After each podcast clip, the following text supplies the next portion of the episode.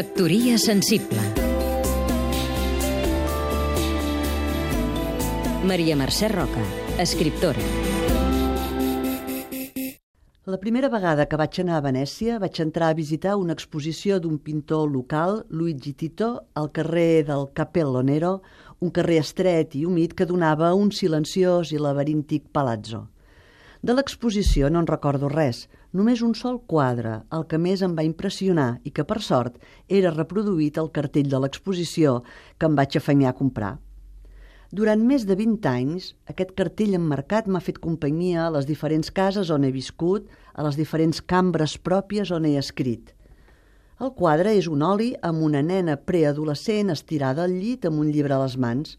Està posada còmodament, amb el cap al coixí, la boca una mica oberta, les cames doblegades, una sobre de l'altra, el llit desfet.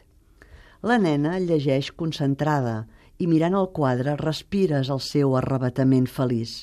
Llegeix i no existeix per ella res més que les paraules del llibre que obre a dintre seu mons que ella no havia somiat.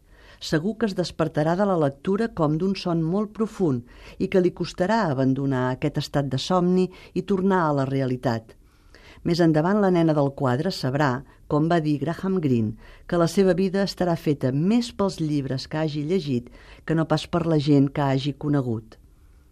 Avui recordo tot això que us dic mirant la meva filla estirada al sofà, enmig de tots, però lluny de tot, llegint embadalida els llibres que li han portat els reis. Factoria sensible Seguim-nos també a catradio.cat.